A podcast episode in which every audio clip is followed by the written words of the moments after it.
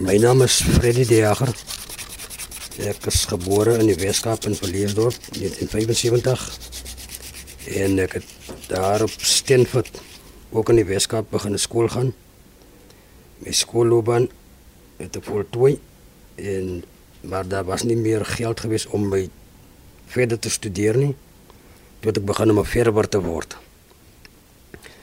So na 23 jaar, 24 jaar se verwerk het ek 'n uh, ongeluk gehad met die grinder. Uh, die grinder het oor al toe my voete geloop. En dit was nou 'n groot gesukkel van my want op daar, op daardie stadium het ek myself gewerk my eie huis. En ek het gedink oeps, iets sal moet gebeur want daar's nie inkomste nie. Die government het my 6 maande grant gegee. En na dit het hulle die na 6 maande het hulle die grant weer teruggeneem.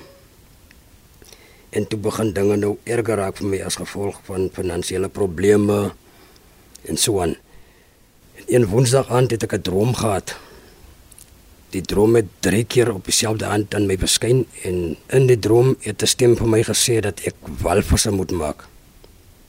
Die volgende oggend het ek opgestaan soos toe het ek nou die droom gevolg, ek het opgestaan, uitgegaan, gekyk in my tuin en gesien buite die tuin in die tuin lê daar 'n uh, drie stukke limestone. Ek het die grootste stuk gevat, die grinder gevat en begin skuur met die grinder op die limestone. Die vis is het ek begin vorm van die stertkant na die kop. Dit was 8:00 die oggend en 12:00 die middag toe was ek klaar met die vis. En uh, die volgende dag het ek die vis gevat na 'n winkel en die eienaar van die winkel kon dit nie glo nie want hy het gesê dis iets baie mooi en besonders. Hy het my betaal vir die vis en ek was tevrede. Toe my voete nou heeltemal herstel, het ek nou nie weer teruggekyk na die verwerk wat ek gedoen het nie. Van daar af het ek net 'n walvisse gemaak. Ek wil net by jou hoor, uh, Freddie die jager van want jy's nou van Hankie. Toe jy die droom gehad het dat jy walvisse moet maak, was jy toe al op Hankie of was jy nog steeds in die Weskaap? Ek was op daardie stadium was ek nog steeds op die Wes in die Weskaap gewees. Soos ek sê, ek het die limestone gebruik om die vis te maak en 'n jaar daarna het ek beide my pa en ma verloor en die, die volgende jaar daarna toe het ek my broer ook verloor as gevolg van magkanker. Toe het ek besluit nee, ek gaan terugkom na die Ooskaap. Want ek het nog 'n neef hier op die Ooskaap, ene Dirk Windvogel. En toe ek nou hier in die Ooskaap kom, sal ek nou ontdek, oh, oh, daar's nie limestone vir my nie. Na 'n hankie is daar nie limestone nie. Toe het ek nou oorgeslaan van die limestone na die hout. En eendag het ek in Jeffreys gesit. Toe het ek die dolfyne dopgehou. En dieselfde dag toe ek terug gaan huis toe, het ek probeer om dolfyne ook te maak.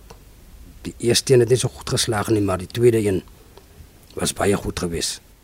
Ek wil net weet dit is nou by Jeffreys Bay. Ehm um, dit is ook naby Hankie waar jy toe Hankie waar jy toe kom bly het. Het jy die dolfyne in die see dopgehou? Ja, ek het hulle direk van die wal af in die water dopgehou.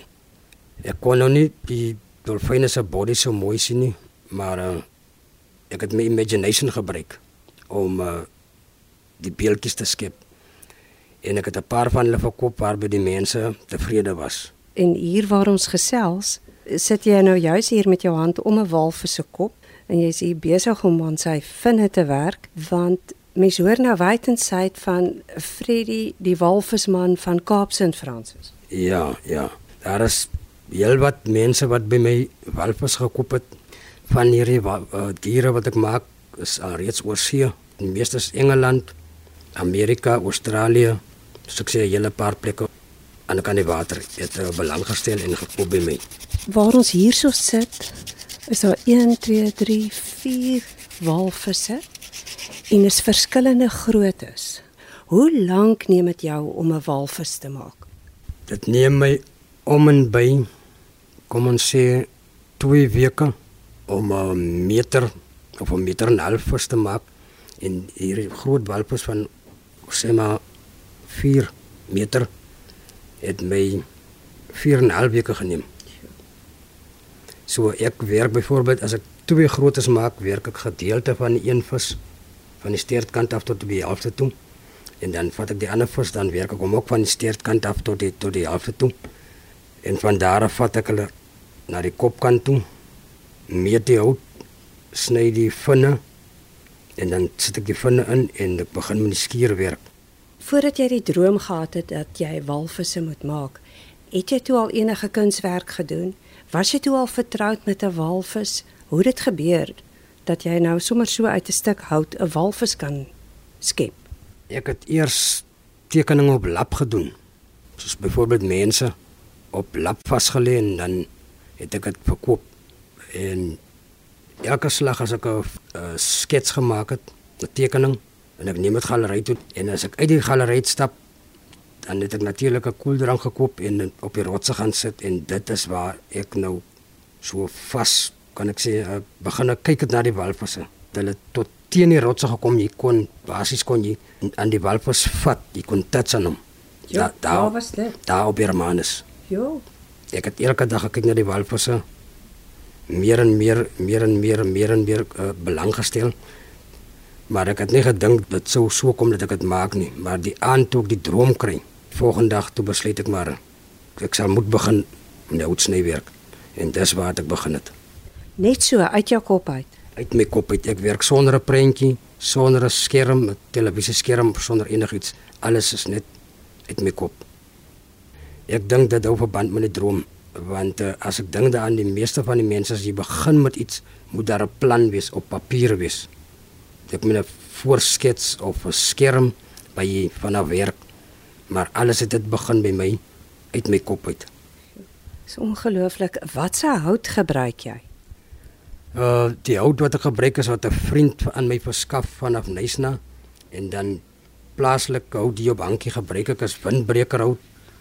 En dan is daar nog 'n een soorte tipe waar ek nou net die naam vergeet het. Nou vir luisteraars wat nou nie so gelukkig is soos ek om jou hier by jou skepping te sien nie. Hoe sal jy jou walvis beskryf? Ek sal my walvis as eie uniek beskryf. Die meeste van die mense wat dit sien, sê vir my dit is 'n wonderlike kunswerk en dit is baie mooi.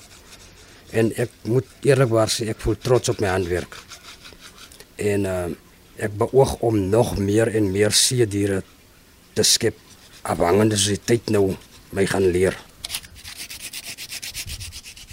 Hulle word ook goed geskuur, maar as jy as jy hulle nou skep, is dit met die ehm um, hoekslyper of met 'n mes of hamer en bytel? Om die walvisse te maak, vat ek die rou stuk hout. Ek sny hom op op die mate wat ek hom wil hê met die handsaag en uh nadat ek hom gesaag het, vat ek byvoorbeeld die byl of die kapmes en dan vat ek die ergste rowwe hout weg tot op die mate wat ek die vis wil begin skuur. En as ek klaar is met die kapwerk, die rowwe kapwerk van hout, gebruik ek die, die angle grinder met 'n sanding disk en dan begin ek die vis te vorm met die grinder. Nadat ek klaar is met die grinder, vat ek uh, die houtvuil om dit die vis gelyk te maak. Na die vuil sit ek hom in die hand sit dan doen ek sandpapierwerk met die hand.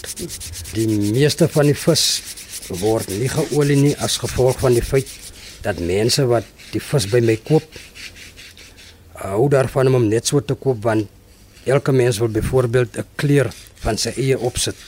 Dalk die vis swart maak, donkerblou maak of soos ek sê die kleur van sy keuse wil ek wat hy op die hout sit. Want as jy die hout een keer geolie het, kan jy nie weer die hout 'n uh, ander kleur opsit nie. Mens voel amper half lus om hierdie arme walvis sommer terug te gaan sit in die see. Ja, baie van van die kopers sê as hulle die vis by my koop, dan sê hulle vir my Freddy, die vis is so mooi dat as jy hom nou dalk in die water sit dan kan hy verdwyn, dan kan hy begin swem. En dit laat my meer trots voel. Want ek glo aan 'n mens is gebore om met sy brein en sy hande te werk. Eintlik met sy hele liggaam.